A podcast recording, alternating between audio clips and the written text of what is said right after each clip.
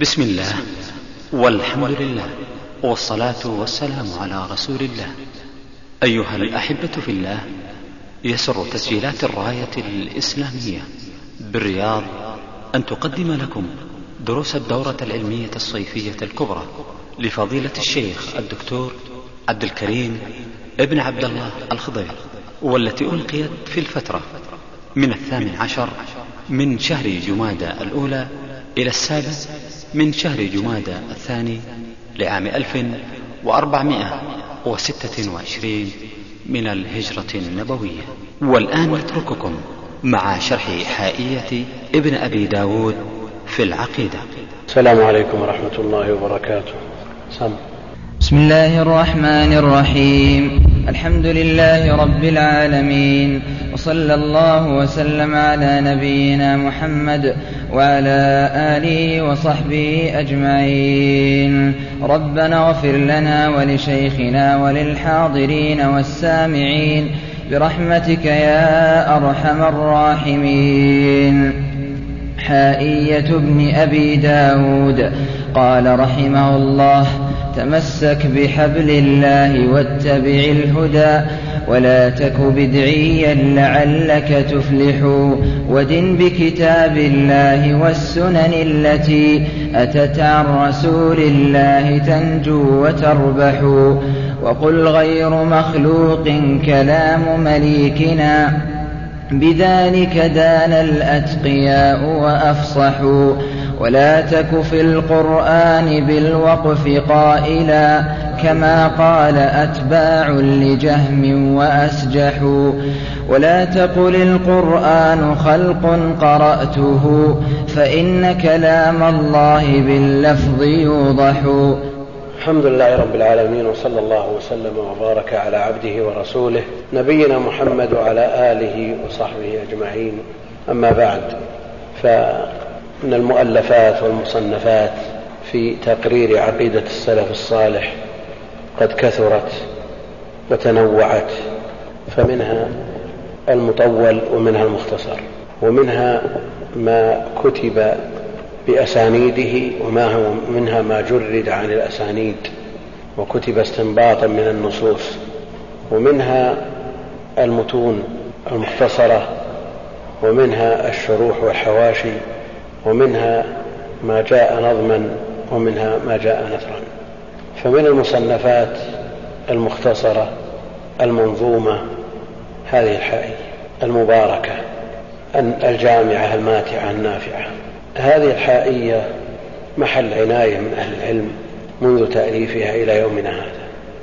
ثبتت بطريق قطعي عن مؤلفها بحيث رواها جمع من الآخذين عنه وعنهم جموع إلى أن وصلت إلينا كما كتبت.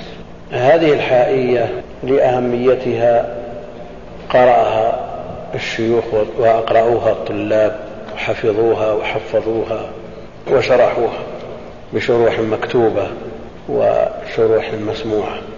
كثير من هذه الشروح لم يصل إلينا وما وصل إلينا إلا شرح السفاريني لوائح الأنوار. شرح السفاريني مطبوع في جزئين وأيضا من الشروح المكتوبة شرح للشيخ الدكتور عبد الرزاق البدر وهو على اختصاره شرح جميل ونافع وأسلوبه سهل يعني يستفيد منه طالب العلم فائدة تامة. شيوخنا أيضا لهم عناية بهذه الحائية ولهم عليها شروح مسجلة موجودة ولله الحمد استفاد منها طلاب العلم. آه هذه الحائية في ثلاثة وثلاثين بيتا وهناك مزيد عليها من أبيات كأنها لبعض. هذا يقول في مقدمة الشيخ ومن شرحها ابن البنا ثم قال وشروحاتهم لا أعلم لها وجودا. رواها الأجري وصنف لها شرحا. وأبو عبد الله بن بطة في الإبانة هم من شرحها ابن البنا وشروحاتهم لا أعلم لها وجودا لكنه في الطبعة الثانية يقول أنه وقف قريبا على شرح ابن البنا للحائية مخطوطا في المكتبة الظاهرية بدمشق وأما شرح السفارين واسمه لواقح الأنوار السنية السنية ولواقح الأفكار السنية شرح قصيدة ابن أبي داود الحائية في عقيدة أهل الآثار السلفية هذا مطبوع من يمكن عشر سنوات. وهذا الشرح يعني شرح الشيخ عبد الرزاق شرح جميل وواضح وفيه فوائد يعني شرح متعوب عليه. فحري بطالب العلم أن يعنى به. وأما بالنسبة لشرحنا فأظن المدة ما تسمح بشرح مفصل إنما نعلق على الأبيات بقدر ما يسمح به الوقت.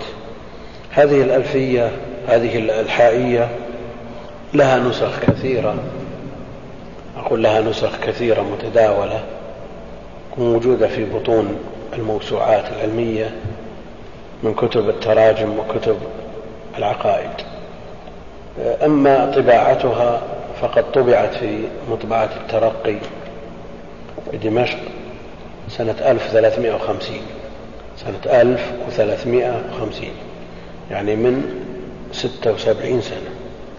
وضمن مجموع يشمل نجاة الخلف في اعتقاد السلف للشيخ عثمان بن أحمد النجدي وعقيدة السفاريني.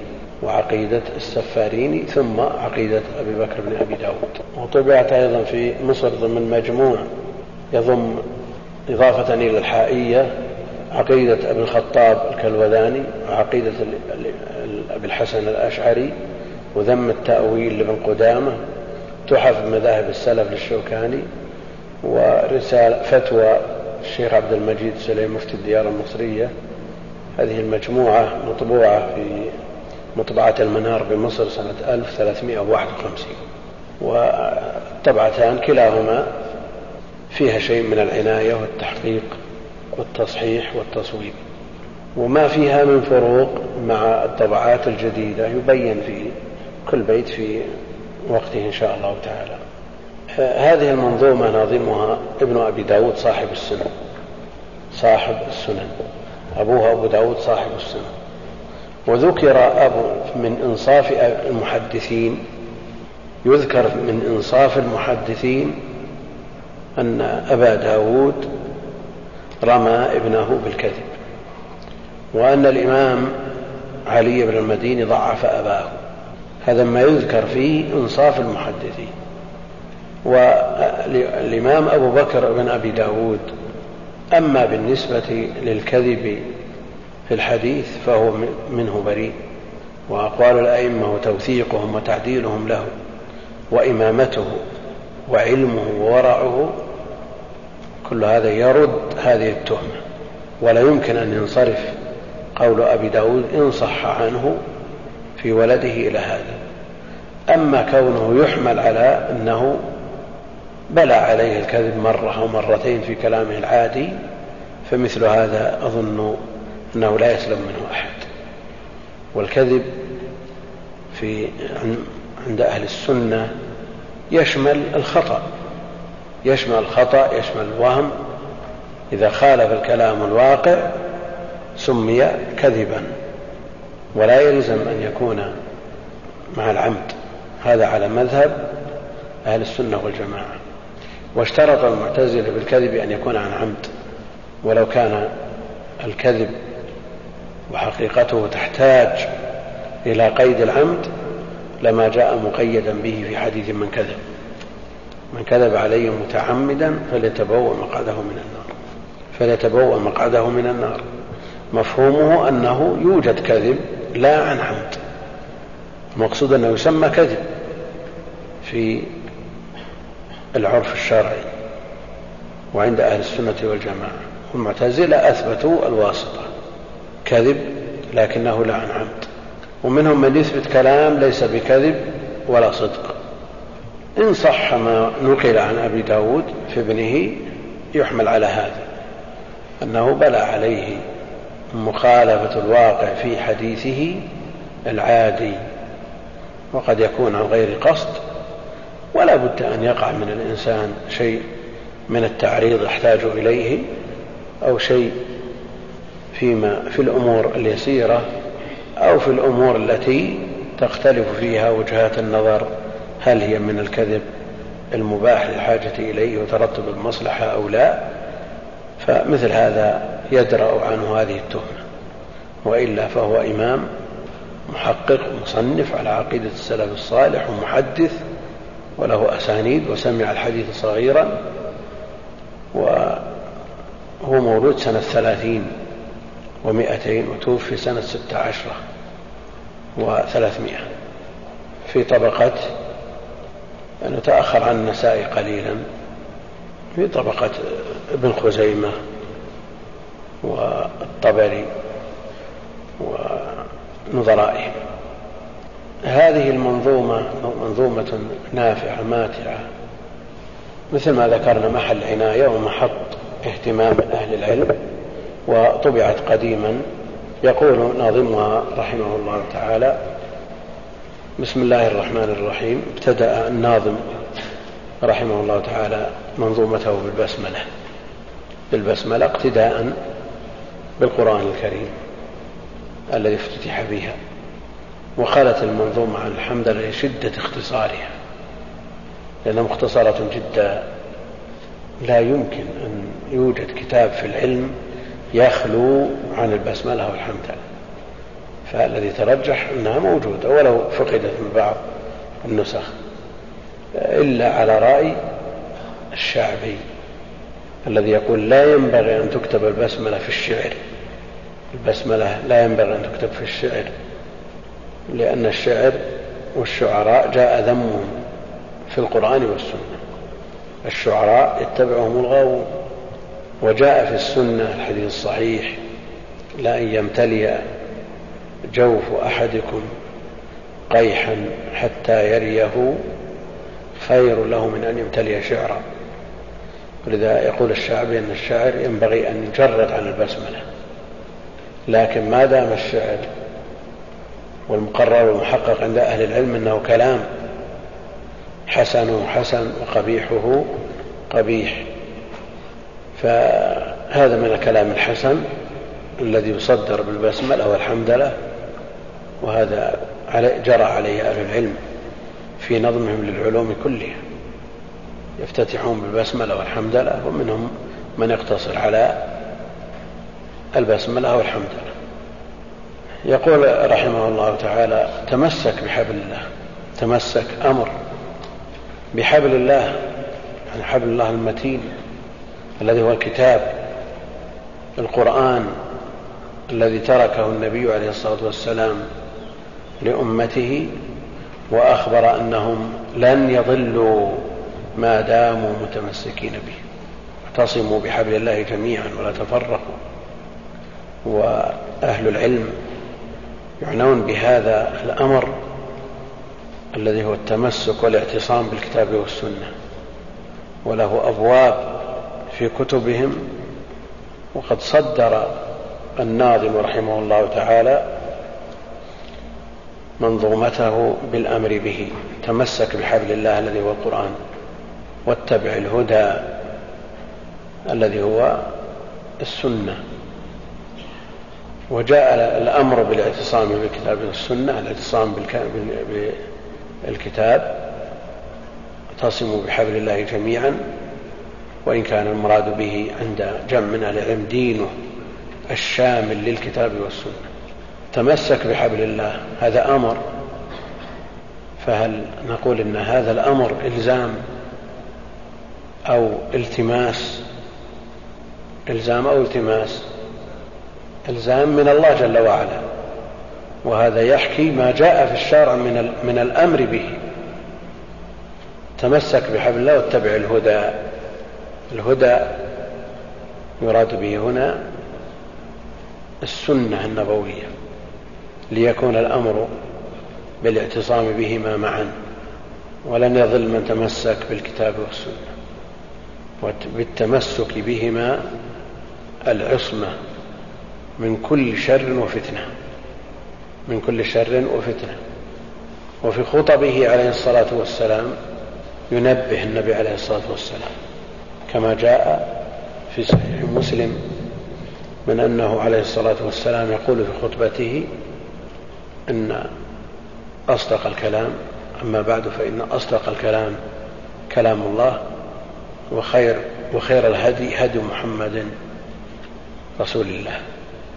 فينبه على المصدرين الأساسيين من مصادر التلقي في هذا الدين. ولا ثالث لهما يستقل بنفسه. أما القرآن مصدر مستقل. والسنة الأصل فيها أنها موضحة للقرآن ومبينة له وشارحة للقرآن على أن فيها من الأحكام ما لم يأتي في القرآن. ما لم يأتي في القرآن ففيها أحكام زائدة على ما في القرآن. وكل من القرآن والسنة وحي من عند الله جل وعلا. أما القرآن فظاهر وأما السنة فدليل كونها وحي قوله جل وعلا وما ينطق عن الهوى إن هو إلا وحي يوحى.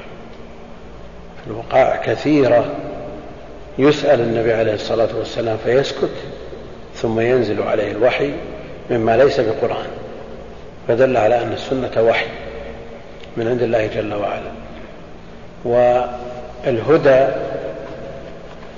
ينقسم إلى قسمين نصوص جاءت بما يفيد بأن من الهدى ما لا يملكه إلا الله جل وعلا. ومنه ما يملكه النبي عليه الصلاة والسلام ومن تبعه وسار على هديه من دعاة الحق. فالهدى الخاص والهداية الخاصة بالله جل وعلا هي هداية التوفيق والقبول. وجاء نفيها عن أكمل الخلق عليه الصلاة والسلام. إنك لا تهدي من أحببت ولكن الله يهدي من يشاء. وأما الهدى بمعنى الدلالة والإرشاد فهذا للنبي عليه الصلاة والسلام. وجاء فيه قول الله جل وعلا إن وإنك لتهدي إلى صراط مستقيم. وإنك لتهدي إلى صراط مستقيم. إن هذا القرآن يهدي للتي هي أقوام والله جل وعلا بالمعنى الثاني الأول خاص به والثاني أيضا الله جل وعلا يهدي بمعنى أنه يوفق ويجعل النفس تقبل وتذعن وأيضا بالمعنى الثاني الله جل وعلا يهدي. وأما ثمود فهديناهم فاستحبوا العامة على الهدى. يعني دللناهم وأرشدناهم. ومنه قول الله جل وعلا وهديناه النجدين. وهديناه النجدين. طريق الحق وطريق الضلال. فمن الناس من يوفق. هداية الدلالة والإرشاد للجميع. للجميع. وقد جاءت في نصوص الكتاب والسنة على أتم وجه وأكمله. لكن من الناس من يوفق. للهداية الأخرى ومنهم من لا يوفق حسب ما جرى به القلم السابق والقضاء من الله جل وعلا. فالإنسان تكتب سعادته وشقاوته وهو في بطن أمه إضافة إلى التقدير السابق الأزلي. تمسك بحبل الله واتبع الهدى ولا تكن أصلها ولا تكن تحذف النون وإلا يكفي التسكين تكن ولا تك بدعيا. بدعيا البدعي المنسوب إلى البدعة. البدعي المنسوب إلى البدعة. والبدعة في الأصل في اللغة ما عمل على مثال على غير مثال على إيش؟ ما عمل على غير مثال سابق. هذه البدعة في اللغة. ما عمل على غير مثال سابق وفي الاصطلاح عند أهل العلم العمل الذي لم يسأل العمل الذي يتدين به مما لم يسبق له شرعيا من كتاب ولا سنة. فالذي يتدين به يخرج أمور, أمور الحياة. فهذه لا تحتاج إلى أن يسبق لها شرعيا فالمستجدات والمستحدثات فيما يتعلق بأمور الدنيا لا تحتاج إلى نص لاستعمالها. اللهم إلا إذا كانت مما يندرج فيما نهي عنه. إذا كانت مما يندرج فيما نهي عنه. وأما استعماله فالأصل فيها الإباحة. أمور الدين التي يتعبد بها لا بد أن يسبق لها شرعية. من كتاب الله وسنة نبيه عليه الصلاة والسلام. والنبي عليه الصلاة والسلام بين لنا ووضح لنا أن كل بدعة ضلالة. فلا يستثنى مما يحدث في الدين مما لا يدل عليه دليل من كتاب ولا سنة من حد البدعة الداخل في عموم كل بدعة ضلالة. كل ما يحدث في الدين مما لم يسبق له شرعية في كتاب الله وسنة نبيه عليه الصلاة والسلام فهو مذموم داخل في العموم ومن أهل العلم من قسم البدع إلى بدع حسنة وبدع سيئة ومنهم من قسمها على الأحكام التكليفية الخمسة الأحكام التكليفية الواجب والمندوب. والمباح والمكروه والمحظور. هذه الأحكام التكليفية الخمسة فقالوا تبع لذلك هناك بدع واجبة. وهناك بدع مستحبة. وهناك بدع مباحة وبدع مكروهة وبدع محرمة. أما البدع المكروهة والمحرمة فهذا لا إشكال فيها لكن هل نستطيع أن نقول أن هناك بدعة مباحة والنبي عليه الصلاة والسلام يقول كل بدعة ضلالة؟ كل ضلالة في النار نسأل الله السلامة والعافية. والمراد صاحبها والمراد صاحبها. وهل نستطيع بعد هذا أن نقول أن هناك بدعة واجبة أو بدعة مستحبة؟ هذا تناقض. هذا تناقض. هذا جمع للنقيضين. جمع للنقيضين. الشاطبي في الاعتصام رد هذا التقسيم وأبطله وقوض دعائمه وذكر أنه بدعة. أمر مخترق مخترع مبتدع. هذا التقسيم آه، قد يكون قد يستدلون بأشياء. من سن سنة حسنة ومن سن سنة سيئة. ويوجدون بعض الأمور التي وجدت بعد النبي عليه الصلاة والسلام وتداولها المسلمون من غير نكير فهي محدثة محدثة ولم يرد نص فيها بخصوصها وتداولتها الأمة من غير نكير. فقالوا الرد على المخالفين هذا واجب لكنه أمر مبتدع ومخترع ومثلوا به للبدع الواجبة بناء المدارس والأربطة قالوا هذا مبتدع. لكنه مستحب. وأما البدع المباحة عندهم كالتوسعة في توسع في أمور الدنيا من المأكولات والمشروبات والمركوبات والمساكن وغيرها. والبدع المكروهة والمحرمة مثلوا لها بأمثلة مقبولة. لكن كيف يقول النبي عليه الصلاة والسلام كل بدعة ضلالة ونقول أن هناك بدعة واجبة ونمثل لها بالرد على المخالفين. القرآن مملوء بالرد على المخالفين.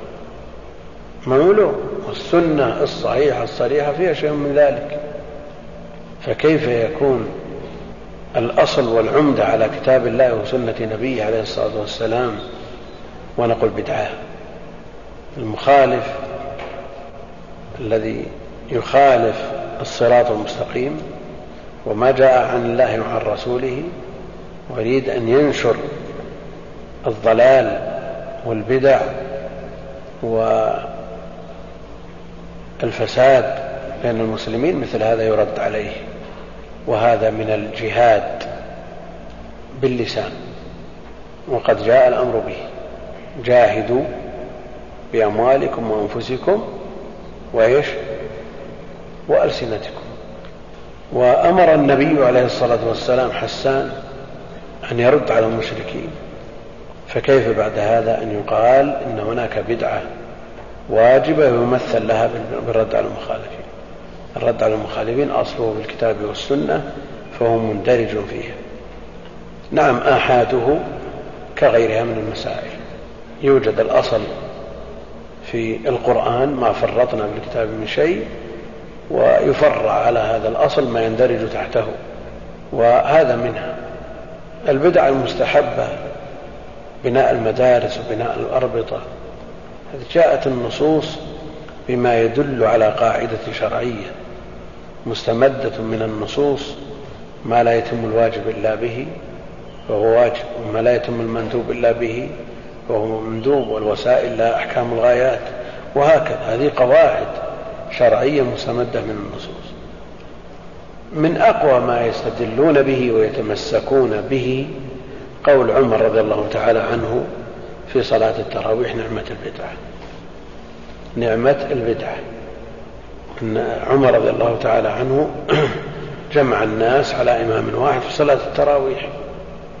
ثم خرج إليهم وهم يصلون فأعجبه وضعهم بعد أن كانوا يصلون متفرقين كل واحد يصلي لنفسه جمعهم. فقال نعمة البدعة والتي ينامون عنها خير منها يعني صلاة آخر الليل.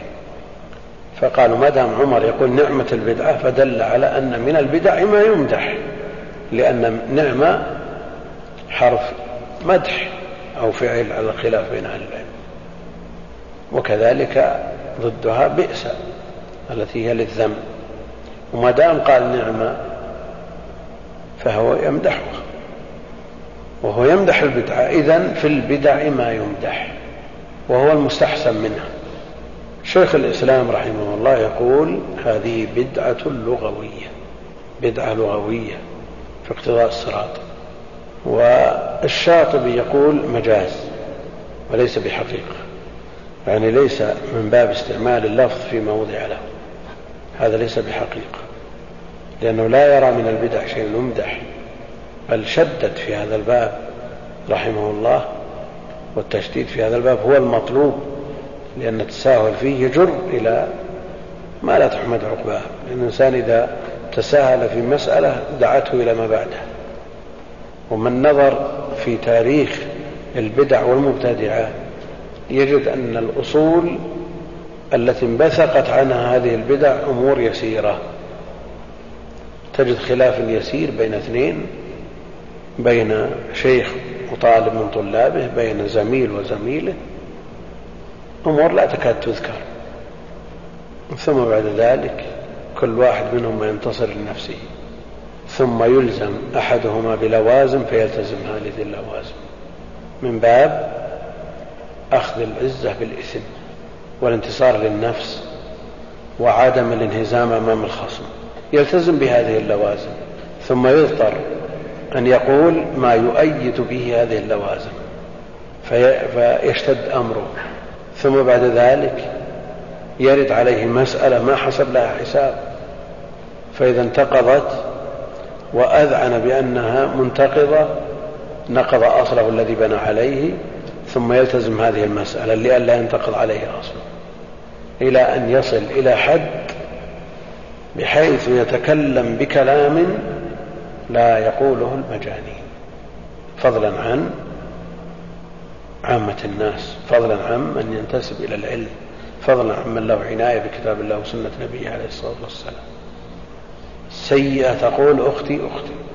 وإذا تساهل الإنسان في أول الأمر في كلمة أو في مسألة تساهل فيما بعده.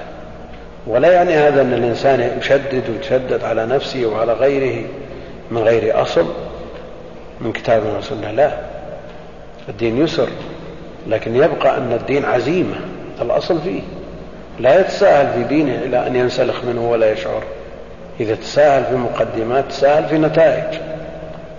وهناك طوام تفوه بها رؤوس المبتدعة. ما وصلوا إليها إلا بعد مراحل. يعني من بيتصور أن هناك أن هناك شخص يشهد أن لا إله إلا الله ويقول سبحان ربي الأسفل. لكن قال قبلها عشرات الكلمات إلى أن وصل إلى هذا الحد. ومن بيتصور أن شخص بيقول ألا بذكر الله تزداد الذنوب؟ والله جل وعلا يقول ألا بذكر الله تطمئن القلوب. يقول وتنطمس البصائر والقلوب. صلى الله السلامة والعافية فعلى الإنسان أن يحرص ويتمسك بما جاءه عن الله وعن رسوله. شيخ الإسلام حمل البدعة في قول عمر على البدعة اللغوية وأما الشاطبي فقال مجاز والذي عندي أنه لا هذا ولا هذا. لا هذا ولا هذا. لماذا؟ أما المجاز فأمره معروف فلا مجاز. على ما قررناه سابقا.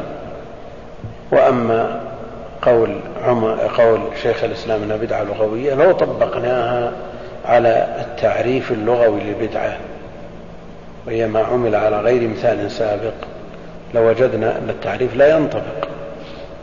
لماذا؟ لأن النبي عليه الصلاة والسلام صلاها بأصحابه ثلاث ليال جماعة. صلى التراويح بأصحابه جماعة. ثم بعد ذلك لم يخرج إليهم خشية أن تفرض عليه. لا نسخا لها ولا رغبة عنها فمشروعيتها باقية. فخشية أن تفرض أن تفرض عليهم في وقت التشريع ثم بعد ذلك يعجزون عنها. لو فرضت احتمال يعجزوا عنها. فالنبي عليه الصلاة والسلام من شفقته ورأفته بأمته لم يخرج لهم في اليوم الرابع أو الثالث على اختلاف الروايات خشية أن تفرض عليهم إذا المشروعية باقية فلها أصل سابق فلها أصل سابق من فعله عليه الصلاة والسلام فليست ببدعة لغوية فضلا عن أن تكون بدعة شرعية. طيب إذا لم تكن بدعة لا لغوية ولا شرعية وعمر رضي الله تعالى عنه من أهل اللسان يعني عربي ويعي ما يقول فماذا تكون؟ في علم البديع ما يسمى بالمشاكلة ما يسمى بالمشاكلة يعني هو المجانسة في التعبير يطلق اللفظ ولا يراد به إلا مجرد مجانسة لفظا آخر حقيقة أو تقديرا. حقيقة أو تقديرا. ففي قول الله جل وعلا وجزاء سيئة سيئة مثلها. وجزاء سيئة سيئة مثلها. السيئة الأولى حقيقة. الجناية حقيقة. جزاؤها ومعاقبة الجاني سيئة ولا حسنة؟ حسنة. إذا لماذا أطلق عليها سيئة؟ من باب المشاكلة والمجانسة في التعبير. وهذا موجود في النصوص وفي لغة العرب. قالوا اقترح شيئا نجد لك طبخه قلت اطبخوا لي جبة وقميصا. المشاكلة. الجبة والقميص ما يمكن أن تطبخ. فأسلوب المشاكلة والمجانسة موجود في لغة العرب وفي النصوص وعلى هذا يحمل قول عمر. وعلماء البلاغة في البديع يقولون حقيقة أو تقديرا. يعني كأن قائلا ابتدعت يا عمر. وقد يكون هناك من قال لعمر ابتدعت يا عمر فقال مجيبا عن هذا المحقق أو المقدر نعمة البدعة. وكأن عمر وهو الخليفة الراشد الذي أمرنا باقتفاء سنته الملهم المحدث كأنه توقع إن لم يكن واقع أن هناك من سيقول ابتدعت يا عمر. ووجد من الشراح من يقول البدعة بدعة ولو كانت من عمر. ولا شك أن هذا سوء أدب مع الخليفة الراشد. والحقيقة أن هذه ليست ببدعة لأنها عملت على مثال سبق من فعله عليه الصلاة والسلام. وكونه صلى الله عليه وسلم يتركها جماعة مع أصحابه خشية أن تفرض عليهم وهذا من شفقته عليه الصلاة والسلام بأمته. ولا تك بدعيا هنا نسب المبتدع إلى بدعته فالنسبة إلى البدعة بدعي والنسبة إلى السنة سني وهما متقابلان. والابتداع والاختراع في الدين جاء ذمه والتشديد في شأنه في كلام أهل العلم كثير. ومبتدع له معاملة تليق به. المبتدع له معاملة تليق به. لا تلقى مبتدعا ولا متزندقا إلا بعبسة مالك الغضباني هذا القحطاني في نونيته وكلام السلف وأئمة الإسلام في معاملة المبتدع. كلام كثير في هذا الباب. والتشديد في النكير عليهم لأن المخالفة في الابتداع أعظم بكثير من المخالفة في المعاصي التي سببها الشهوة. أما ما كانت المخالفة فيه بسبب الشبهة فأمره أشد. هذا الأصل وإن كان يوجد في ما يسمى بالفروع أو المعاصي من الذنوب الكبائر ما هو أعظم من البدع الخفيفة. عند أهل العلم لكن الكلام إجمالا البدع أشد من الذنوب عند أهل العلم. لكن يوجد من الذنوب ما هو أشد من بعض البدع والتفصيل معروف. وأهل العلم يقررون أن توبة العاصي قريبة بخلاف المبتدع قليلة توبة المبتدع ولا يعرض نفسه للتوبة لأنه يرى أنه على حق والشيطان يسول له ويملي له أنه هو الذي على الحق لأن مقالته مبنية على شبهة لوثت تفكيره وغطت عقله عن سماع الحق وعن قبول الحق والإذعان للحق. فمثل هذا توبته أبعد ممن أقدم على الذنب وهو يعرف أنه ذنب. وأنه مخالف. أما المبتدع فهو يقدم على هذه المخالفة الشنيعة وهو يظن أنه محق يحسب أنه يحسن صنعه. فمثل هذا لا يتوب. نعم تاب جمع منهم لكن المسألة أغلبية. مسألة أغلبية. وبعض الفرق عرف واشتهر وشاع أن, أن الأمل فيهم ضعيف. أن الأمل فيهم ضعيف. وبعضها الأمل فيه قوي. والذي في تقديري أن الذي أشاع هذه الإشاعة هم أهل الفرقة أنفسهم شيوخهم ومراجعهم. لماذا؟ لئلا يتصدى أحد لدعوتهم. إذا كان ميؤوس من رجوعهم وتوبتهم فدعوتهم إهدار للوقت وإضاعة بدون جدوى فالذي يغلب على الظن أنها من, من تلقائهم من شيوخهم المرتزقة الذين يستفيدون ويكتسبون من وراء اعتناقهم لهذا المذهب. وإلا فالشواهد تدل على أنهم منهم من يتوب. نعم قليل الذي يتوب لكن يوجد من يتوب.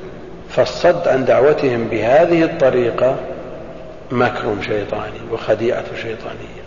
وإلا ما على الإنسان إلا أن يبذل السبب كونه يعود أو يرجع هذا ليس إليه. يبذل السبب ويحرص على هداية الناس لكن النتائج بيد الله جل وعلا كما تقدم في الهداية إنك لا تهدي من أحببت. نعم. إيه لكن لو طبقنا التعريف اللغوي للبدعة ما انطبق. قبل هذا كله. هو توجيه شيخ الإسلام رحمه الله. توجيه الشيخ رحمة الله عليه على أنها بدعة لغوية.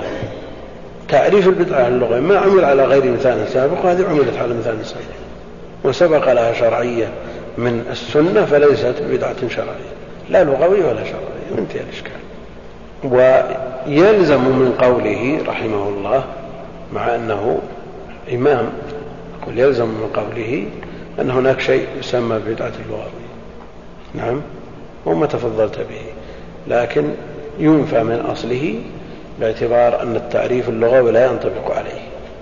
وعموم المشايخ يقولون بقول شيخ الإسلام من باب إذا قالت حذامي فصدقوها فإن القول ما قالت حذا والإنسان وهو يعرض مثل هذا الكلام على خجل واستحياء لأنه كلام إمام. لا يعني أننا نستدرك عليه أو نتطاول على علمه أو فضله أبدا. إنما نبين ما نراه حق كل يؤخذ من قوله ويرد إلا النبي عليه الصلاة والسلام. ولا تك بدعيا يعني منتسبا إلى البدعة. لعلك لعل حرف ترجي لعلك تفلح إذا تمسكت بحبل الله واتبعت الهدى ولم تك مبتدعا. ما قيمة حرف الترجي بعد هذا كله؟ يعني من تمسك بحبل الله واتبع الهدى ولم يكن بدعيا. مفلح جزما ولا لعله يفلح؟ نعم. يرجو له الفلاح. هو حرف ترجي. لكن من حصل منه ما ذكر؟ تمسك بحبل الله واتبع الهدى ولم يكن بدعيا. هو مفلح أو لعله يفلح؟ يرجى له الفلاح. نعم. يعني آه، مسك الجادة. استقام على الصراط المستقيم. في مطلع سورة البقرة ألف لام ميم ذلك الكتاب. لا ريب فيه هدى للمتقين الذين يؤمنون بالغيب ويقيمون الصلاة ومما رزقناهم ينفقون والذين يؤمنون بما أنزل إليك وما أنزل من قبلك وبالآخرة أولئك إلى أن قال أولئك على هدى من ربهم وأولئك هم المفلحون. جزم وهنا يقول لعلك هذا يخاطب من نصحه ووجهه إلى التمسك بالكتاب والسنة. يخاطب من نصح. يقول ومع ذلك إذا امتثلت هذا الكلام وتمسكت بحبل الله واتبعت الهدى ولم تكن بدعيا لا تجزم في حكمك على نفسك بالفلاح. بل اتهم نفسك بالتقصير مع هذا كله. احرص على أن تتمسك بحبل الله وتتبع الهدى الذي جاء عن النبي عليه الصلاة والسلام وتجتنب البدع والمبتدعه ولعلك لأن الطويل طريق وشائك والقلوب بين أصبعين من أصابع الرحمن. لعلك والإنسان في هذه الدنيا مثل الغريق يسأل الله النجاة ويسأل الله جل وعلا حسن الخاتمة والموافاة على الإسلام. ويكون هذا ديدا. فلا يجزم لنفسه بشيء فلا يجزم لنفسه بشيء. أما من استمسك بحبل الله واتبع الهدى ولم يكن من المبتدعة بحق هذا مجزوم بنجاته. لكن متى نعرف أنه تمسك بحق؟ من الذي يحكم له أنه تمسك بحق؟ القلوب ما يدرى. ما يعلم ما في القلوب إلا علام الغيوب. إحنا نرجو للمحسن الثواب ونخشى على المسيء ولذا عقيدة أهل السنة في هذا الباب أنهم لا يجزمون لأحد بجنة ولا نار من أحد من هذا القبلة بجنة ولا نار لكنهم يرجون للمحسن ويخافون على المسيء. وهنا قال لعلك وهذا من باب الرجاء لهذا المتمسك بالكتاب والسنة. هذا من باب الرجاء لعله يفلح. والفلاح كلمة جامعة.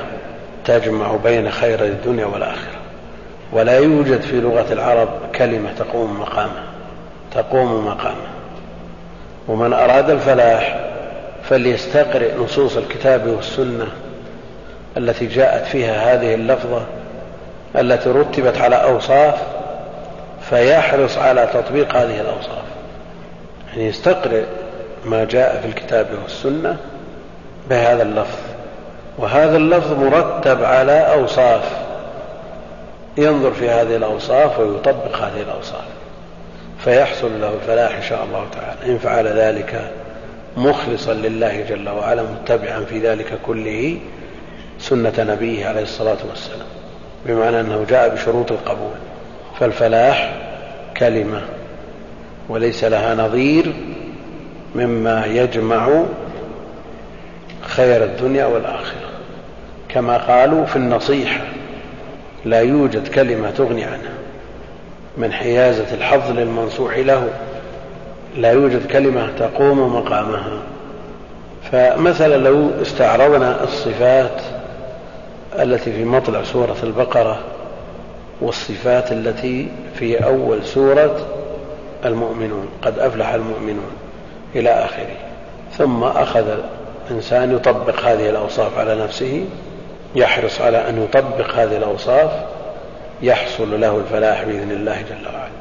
ومع ذلك لا يجزم لنفسه ولا يجزم له إنما يغلب على الظن ويرجى له ذلك. وقلوب العباد كما جاء في الحديث بين أصبعين من أصابع الرحمن وإن المرء وإن العبد لا يعمل بعمل أهل الجنة حتى ما يكون بينه وبينها إلا ذراع فيسبق عليه الكتاب فيعمل بعمل أهل النار فيدخلها. نسأل الله السلامة والعافية. والثبات والتثبيت من الله جل وعلا أمر يحتاج إلى أن يكون طلبه ديدنا للمسلم.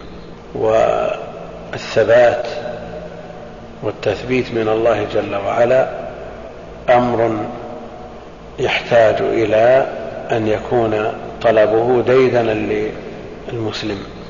فحسن الخاتمة وسوء الخاتمة أمر مقلق مقلق للإنسان والسلف.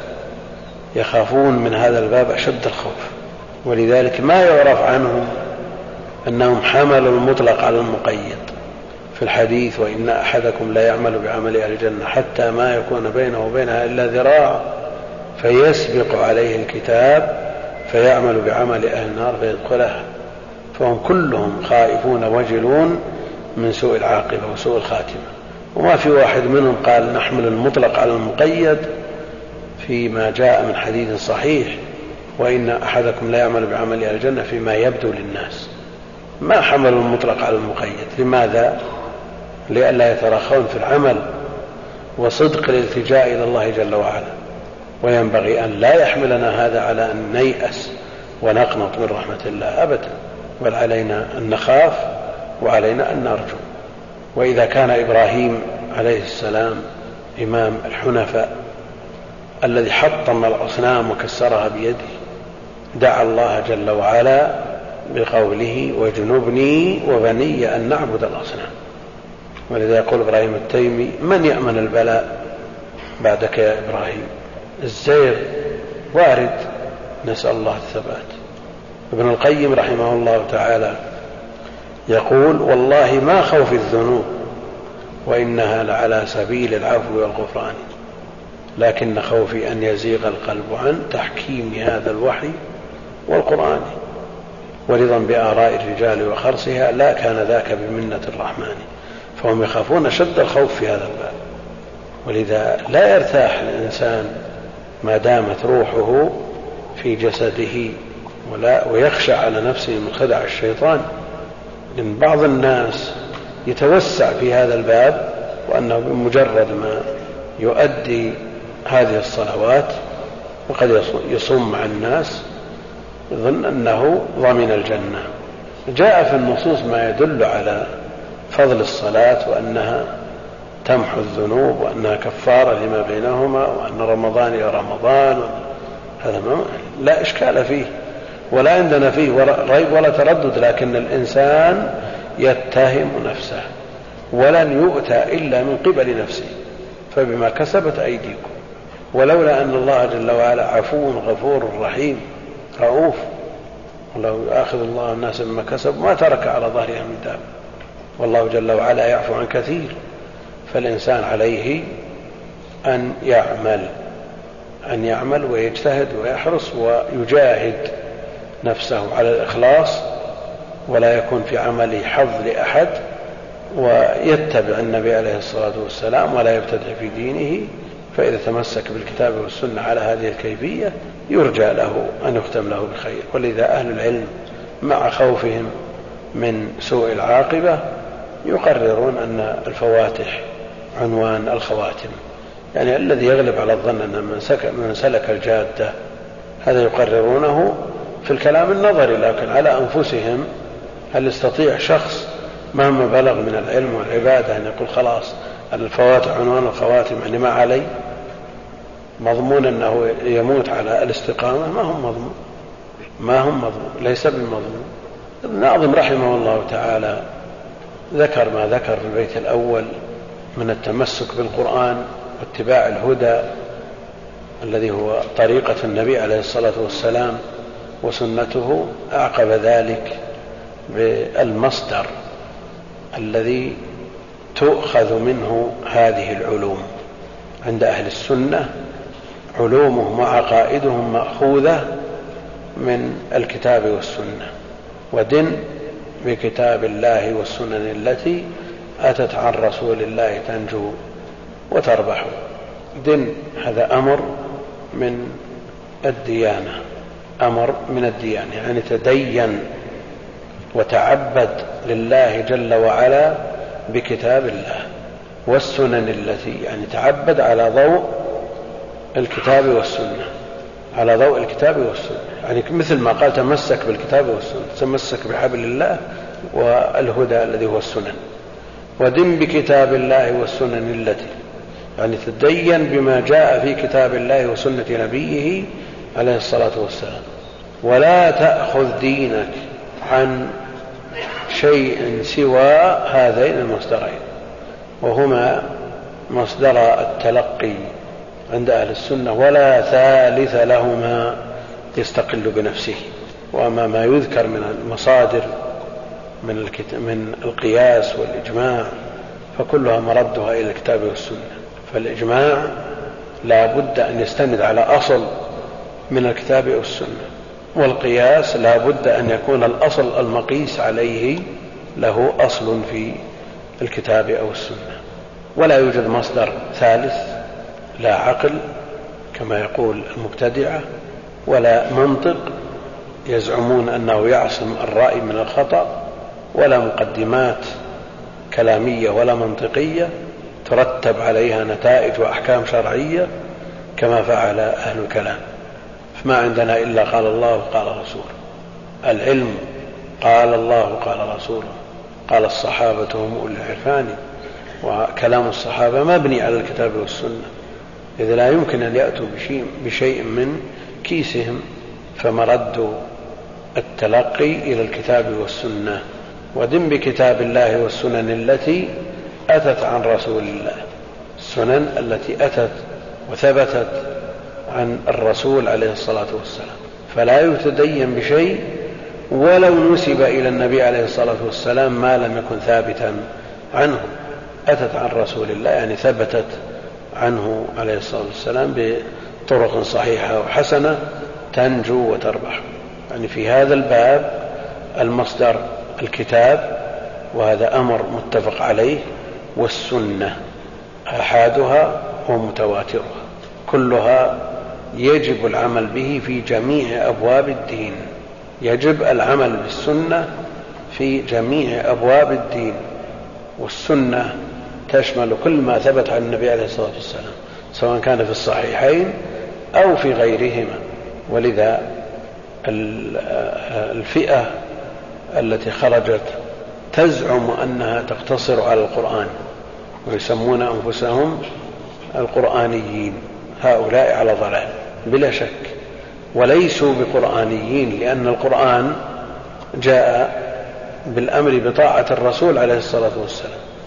والفئة الأخرى التي توسعت قليلا فرأت الاقتصار في مصادر التلقي على القرآن والصحيحين فقط.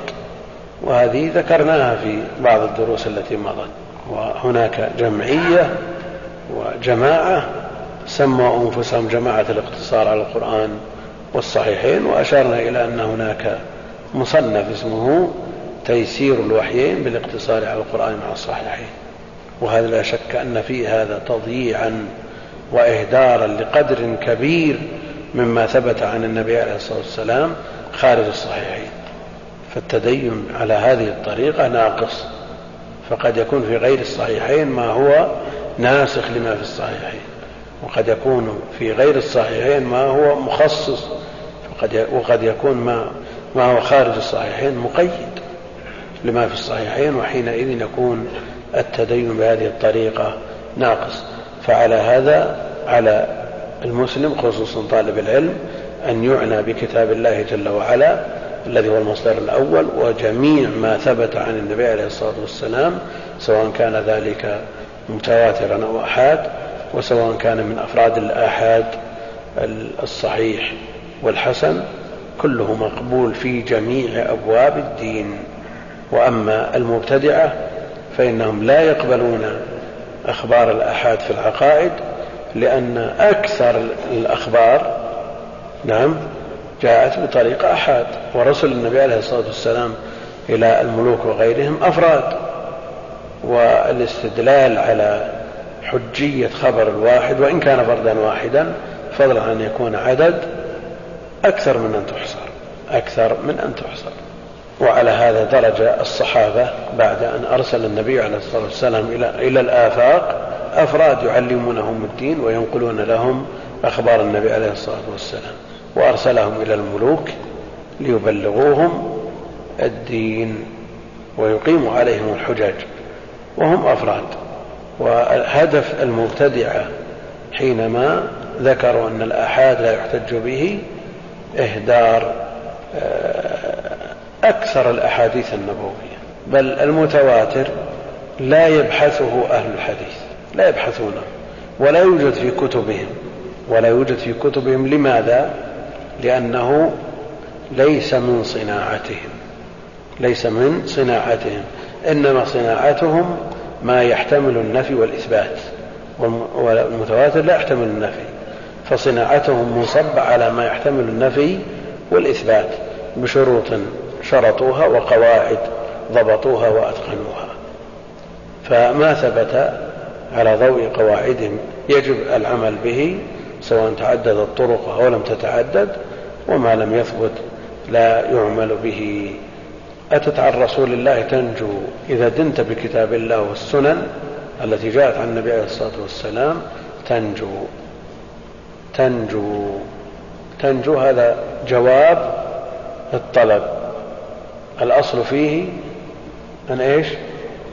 أن يجزم جواب الطلب. نعم. كيف؟ تنجو. لكن إذا نستطيع أن, أن نقول كذا وبعدها وتربح دن. هذا أمر. وطلب. بكتاب الله والسنن التي أتت عن رسول الله تنجو. الأصل أن يكون مجزوما. وما عطف عليه أيضا يكون مجزوما لأنه إما أن يكون جواب طلب على قول بعضهم أو يكون جواب شرط مقدر. إن تدن بالكتاب والسنة تنجو وتربح. وهنا تنجو وتربح. كلها مرفوعة كلها مضمومة. لماذا؟ إشباع. إنه من يتقي ويصبر. إشباع. ألم يأتيك والأنباء تنمي؟ نقول إشباع هذا فيه مخرج. لا شك أن مثل هذا مخرج لكن أحيانا تأتي ولست بحاجة إلى إشباع فهب لي من لدنك وليا. إيش؟ بعدها على طول. يرثني ولا يرثني؟ لماذا؟ كيف؟ يعني يرثني. هل هي جواب الطلب؟ نعم. كيف؟ لماذا؟ وليا يرث. هذا وصف. وصف لهذا الولي. فهب لي من لدنك وليا يرثني. لأنه ليس الهدف من وجود هذا الولي الإرث فقط. لكن من وصفه أنه يرثه. ولهذا لهذا رفع على أساس أنه ليس بجواب للطلب. وأما الذي معنا لا شك أنه جواب الطلب. جواب الطلب أو جواب شرط مقدر تقديره إن تدن بالكتاب والسنة تنجو وتربح. وهنا يحمل على أنه إشباع على أنه إشباع. هل يمكن أن يقال إنه إلغاء لجواب الطلب أو إلغاء للشرط المتقدم؟ يعني مثل ما جزموا جواب إذا جزموا جواب إذا هل يلغون جزم جواب إن الشرطية نعم. إذا الأصل أنها لا تجزم. وإن تجزم. وجزموا جواب إذا. نقبله في درس اليوم في الألفية. ذكرنا أن أن من مذاهب المذاهب العربية من من يجزم بجواب إذا. ذكرنا نقبله. فهل يمكن أن يقال أن جواب إن يمكن رفعه والأصل أنه مجزوم أنا إن شككت وجدتموني جازما وإذا جزمت فإنني لم أجزم. ما في أحد يمكن يسعف في هذا الباب؟ نعم في أحد قالوا أن ألم يأتيك هذا حرف علة والأنباء تنمي. شلون سكن ألم؟ لا الأصل أن يحذف. ألم يأتك الحركة تشبع. فتنطق بما يشبه الواو أظن نقف على هذا. اللهم صل وسلم على عبدك ورسولك محمد وعلى آله وصحبه أجمعين. السلام عليكم ورحمة الله وبركاته. الحمد لله رب العالمين وصلى الله وسلم وبارك على عبده ورسوله نبينا محمد وعلى آله وصحبه أجمعين. أما بعد فيقول الناظم رحمه الله تعالى تمسك بحبل الله واتبع الهدى ولا تك بدعيا لعلك تفلح. ودن بكتاب الله والسنن التي أتت عن رسول الله تنجو وتربح. تقدم شرح هذين البيتين في درس الأمس وقلنا في مسألة أو في كلمة تنجو وتربح. هل هي جواب الطلب أو جواب شرط مقدر؟ وعلى كلا الاحتمالين آه، الواجب الجزم. الواجب الجزم. قد تقتضي ضرورة الشعر والوزن أن يشبع تشبع الحركة تشبع الحركة فيتولد عنها هذا لكنها كيف تشبع وهي ساكنة؟ يعني لو كانت ضمة وأشبعت حتى صارت واو هذا الإشباع لكنها ساكنة. الأصل أنها ساكنة لأن جواب الطلب. بعضهم يقول لعل آه، يمكن أن يقدر لعلك تنجو وتربح وحينئذ يكون لا إشكال والأمر إن شاء الله سهل. والتقدير مألوف في لغة العرب. بعد هذا يقول الناظم رحمه الله تعالى وقل غير مخلوق كلام مليكنا. الآن بين يدينا ثلاث نسخ. الطبعة الدمشقية التي أولى الطبعات وطبعة المنار التي تليها طبعت بعدها بسنة. دمشقية سنة 1350 وطبعة المنار 51 وعندنا طبعة جديدة في مقدمة شرح الشيخ عبد الرزاق بدر وطبعها ضبطها الشيخ وتعب عليها. بعد هذا يقول وقل غير مخلوق كلام مليكنا بذلك دان الأتقياء وأفصحوا.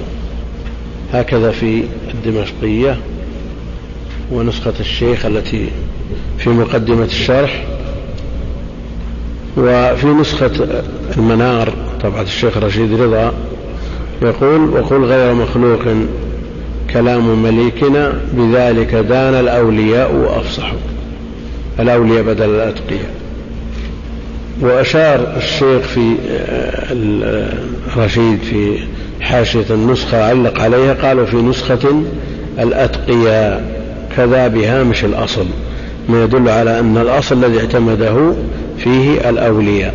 يقول وقل مثل قوله تمسك أمر ولا شك أن الأمر من المخلوق يقصد به آه، امتثال أمر الخالق لا أمر المخلوق لأنه يتحدث على لسان الشرع لأن مسألة شرعية ووجوبها معلوم من الشرع وقل غير مخلوق كلام مليكنا كلام الله جل وعلا غير مخلوق الذي هو القرآن هذا معتقد أهل السنة والجماعة.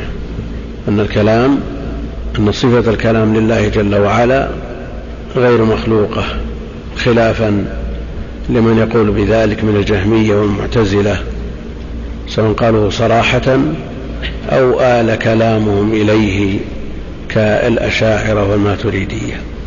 فالذي عند أهل السنة أن كلام الله منزل غير مخلوق. منه بدأ وإليه يعود وأن الله جل وعلا متصف بهذه الصفة وأنه جل وعلا يتكلم متى شاء إذا شاء. يتكلم متى شاء إذا شاء. وكلامه جل وعلا وإن كان قديم النوع بمعنى أنه تكلم في الأزل فإنه متجدد الآحاد. تكلم متى شاء جل وعلا. والمعتزلة يقولون مخلوق. يقولون كلام الله مخلوق كسائر خلقه ومثلهم هم الجهمية والمعتزلة يصرحون بهذا. وكلام مليكنا كلام الله جل وعلا من إضافة الصفة إلى الموصوف من إضافة الصفة إلى الموصوف. والإضافة تقتضي التشريف بلا شك سواء كانت من الأوصاف أو من الأعيان التي تستقل بنفسها. لكنها إن كانت من الأوصاف فليست مخلوقة. وإن كانت من الأعيان التي تستقل بذاتها كبيت الله وناقة الله وعبد الله كل هذه مخلوقات. والمعتزلة يقولون كل ما يضاف إلى الله جل وعلا مخلوق. سواء كان صفة أو ذات مستقلة. فيجعلون كلام الله مثل ناقة الله وبيت الله. مثلها كلها مخلوقة لأن من إضافة المخلوق إلى خالقه. وأهل الحلول والاتحاد يرون العكس كل ما يضاف إلى الله جل وعلا فهو وصف من أوصافه. فهو وصف من أوصافه. ليصلوا بذلك إلى تقرير مذهبهم الفاسد وأنه وأن الله جل وعلا متحد في مخلوقاته وأنه لا خالق ولا مخلوق. يعني لا فرق بين الخالق والمخلوق. نسأل الله السلامة والعافية. وأهل السنة وسط بين المذهبين بين الطرفين فهم يرون أن من الإضافات ما هو إضافة وصف من الأمور التي لا تستقل بذاتها وبين ما هو مخلوق ذات تستقل بنفسها فهذه مخلوقة. وقل غير مخلوق كلام مليكنا. المليك والملك والمالك شيء واحد. والله جل وعلا مالك الملك في الدنيا والآخرة. ومن ملك من من العبيد من الخلق فإنما هو بتمليك الله جل وعلا إياه. فالعبد وإن ملك المال إلا أنه مال الله والمليك فعيل صيغة مبالغة مثلها ملك فعل لكن هل ورد المليك في أسماء الله جل وعلا؟ ورد مالك الملك. قل اللهم مالك الملك. وورد ملك ملك يوم الدين القراءة المتواترة. فهل ورد مليك؟ نعم. أين؟ نعم.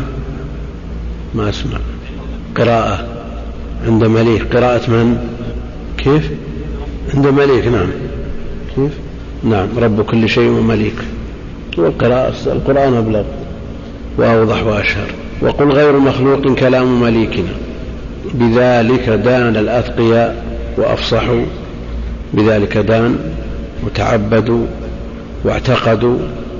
الأتقياء جمع تقي وفي النسخة الأخرى الأولياء جمع ولي. الأتقياء جمع تقي والتقي من اتصف بصفة التقوى التي هي فعل المأمورات وترك المحظورات. دانوا بذلك قالوا به.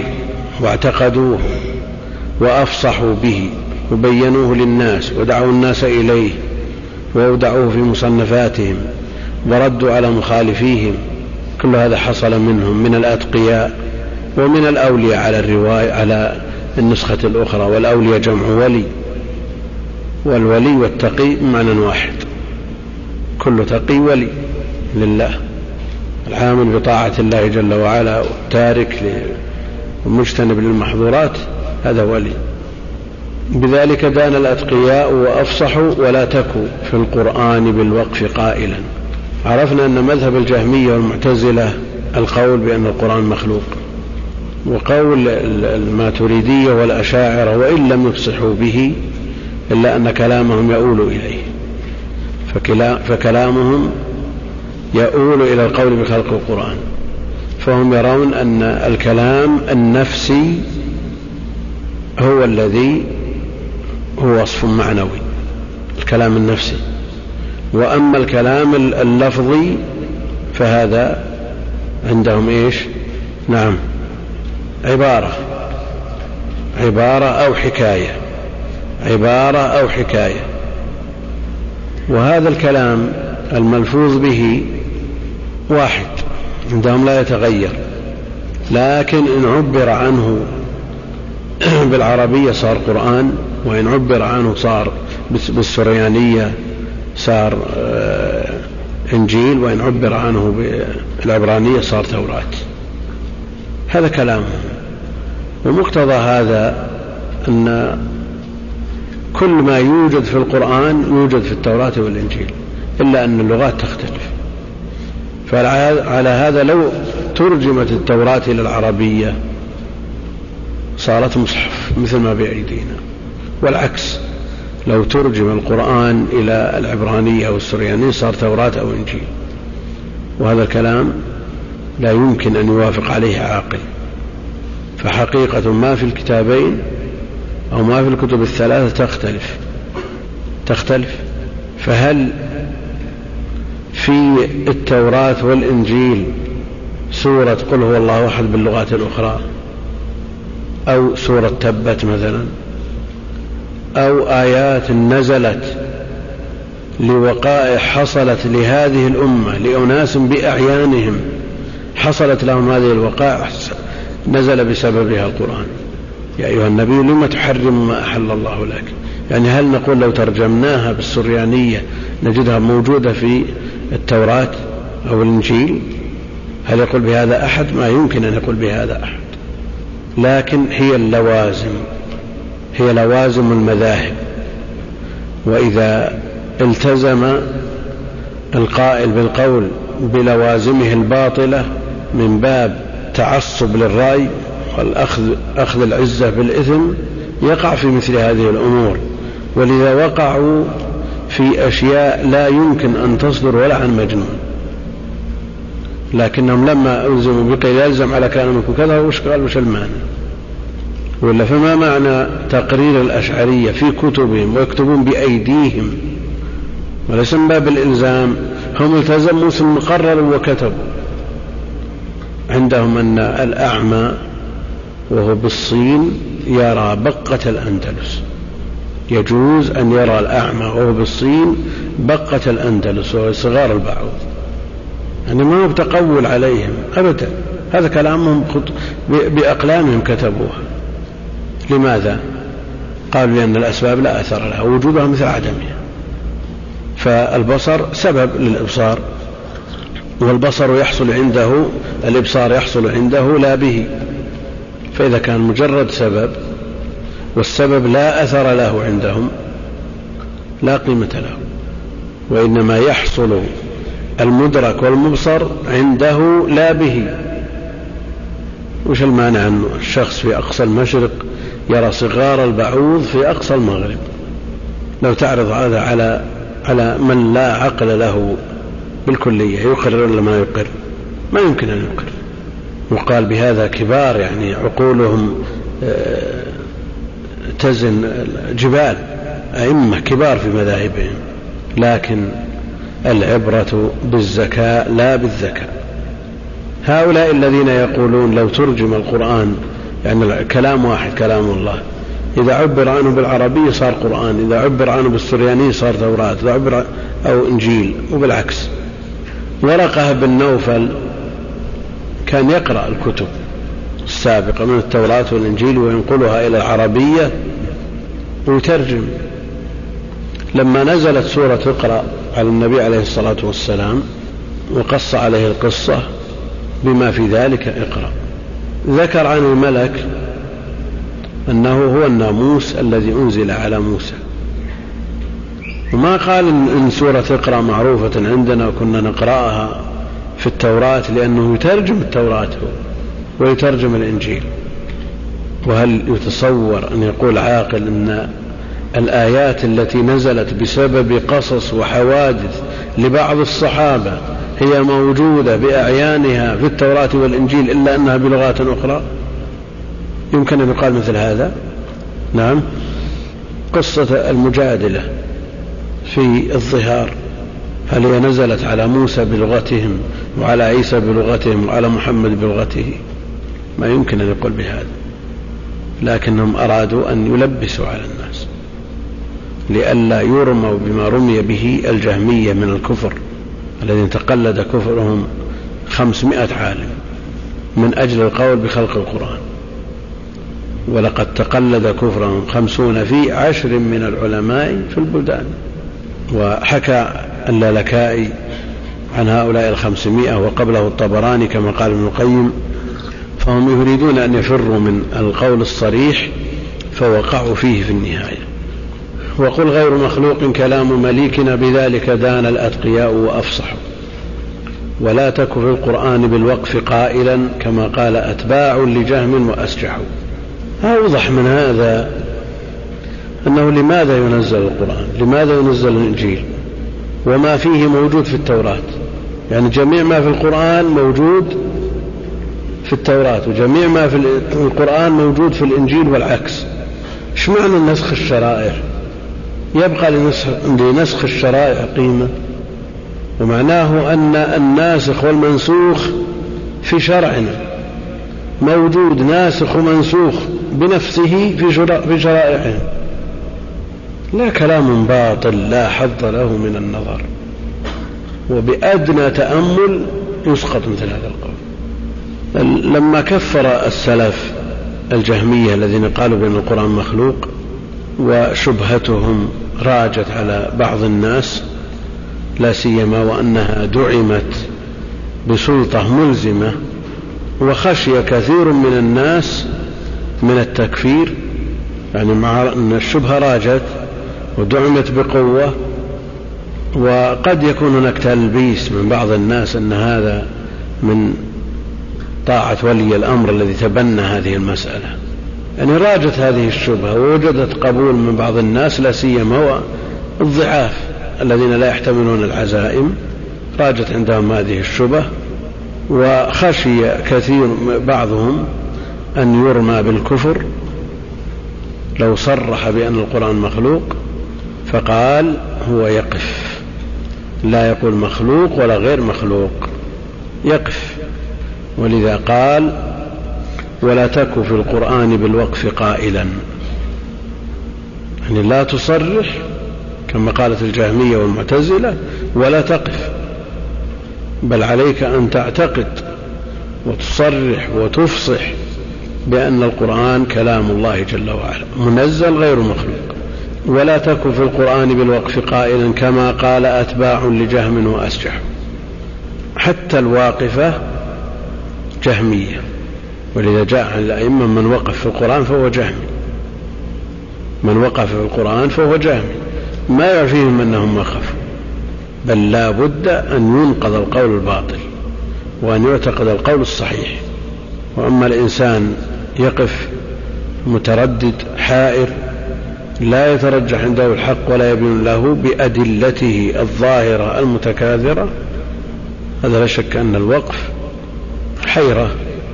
هذا إذا أحسنا بهم الظن وقلنا أنهم تعارضت عندهم الأدلة فوقفوا لكن الأدلة غير متكافئة. الأدلة صحيحة صريحة في أن الله جل وعلا يتكلم بحرف وصوت يسمع. فالذي يقف لا شك أنه ناف لأن لأن يقول أو ناف لكون كلام القرآن كلام الله الذي نطق به بحرف وصوت. لكنه لا يستطيع أن يصرح بأنه مخلوق لئلا يكفر. كما قال أتباع لجهم وأسجحوا. في بعض النسخ أسمحوا. مقصود أنها طابت أنفسهم بهذا القول. ولانت له. وتلقوه. وقالوا به. ومثلها في المعنى أسمحوا. يعني سمحت أنفسهم وجادت وطابت بهذا القول. وأيضا ولا تقل القرآن. خلق قرأته قرأته. كذا في نسخة الشيخ رشيد. لا الشيخ طبعة الشيخ رشيد يقول ولا تقل القرآن خلق. ما يمكن قراءته ولا يستقيم البيت مرسومة آه، قرائه. القاف راء ألف. همزة على الكرسي على الياء ثم بعد ذلك الهاء ولا يمكن أن يستقيم بهذا المعنى. في نسخة النسخة الدمشقية التي هي أولى الطبعات ولا تقل القرآن خلق قراءة قراءة فإن كلام الله باللفظ يوضح. وفي نسخة الشيخ عبد الرزاق وكثير من النسخ المطبوعة المتأخرة كذا ولا تقل للقرآن خلق قرأته فإن كلام الله باللفظ يوضح فالاختلاف في قرأته وقراءة وقرائه. ما بالنسبة للوزن سواء قلنا قرأته أو قراءة يستقيم إن شاء الله تعالى. وأما بالنسبة للمعنى فهو واحد. ولا تقل القرآن خلق قراءة يعني مقروءا. ملفوظا به مخلوق. والمقصود بهذا البيت يقول ولا تكن القرآن بالوقف قائلا كما قال أتباع لجهم وأسجحوا في بعض النسخ بدلا من قوله وأسجحوا وصححوا. هكذا بنسخة الشيخ رشيد. نعم وصححوا. وصححوا. يقول هنا يقول قال الشيخ صالح الفوزان بدلا من خلق اللي في بيتنا هذا. وقول ولا تقل القرآن خلق قراءة. يقول بدلا من خلق قرأته قال خلقا قراءة. ولا تقل هذه أمر بالقول يحتاج إلى مقول. والمقول جملة. المقول جملة. القرآن خلق. القرآن خلق. مبتدا وخبر هذه جملة هي مقول القول. أما ما نسب للشيخ قال ولا تقل القرآن خلقا قراءة. وعلى كل حال المعنى واضح. وما عند الشيخ يحتاج إلى مراجعة. أما لا تقل القرآن خلق هذه جملة هي مقول القول. القرآن خلق هذا مبتدا وخبر هي الجملة التي هي مقول القول. وقراءة شو يصير؟ تمييز ولا حال؟ أما في أما قائلا فهي خبر تكو ولا تكو. بالقرآن بالوقف قائلا. هذه خبر كان. ولا تقل القرآن خلق قراءة فإن كلام الله باللفظ يوضح. المقصود بهذا البيت أنه وجد من يقول لفظي بالقرآن مخلوق. ووجد من يقول لفظي بالقرآن غير مخلوق.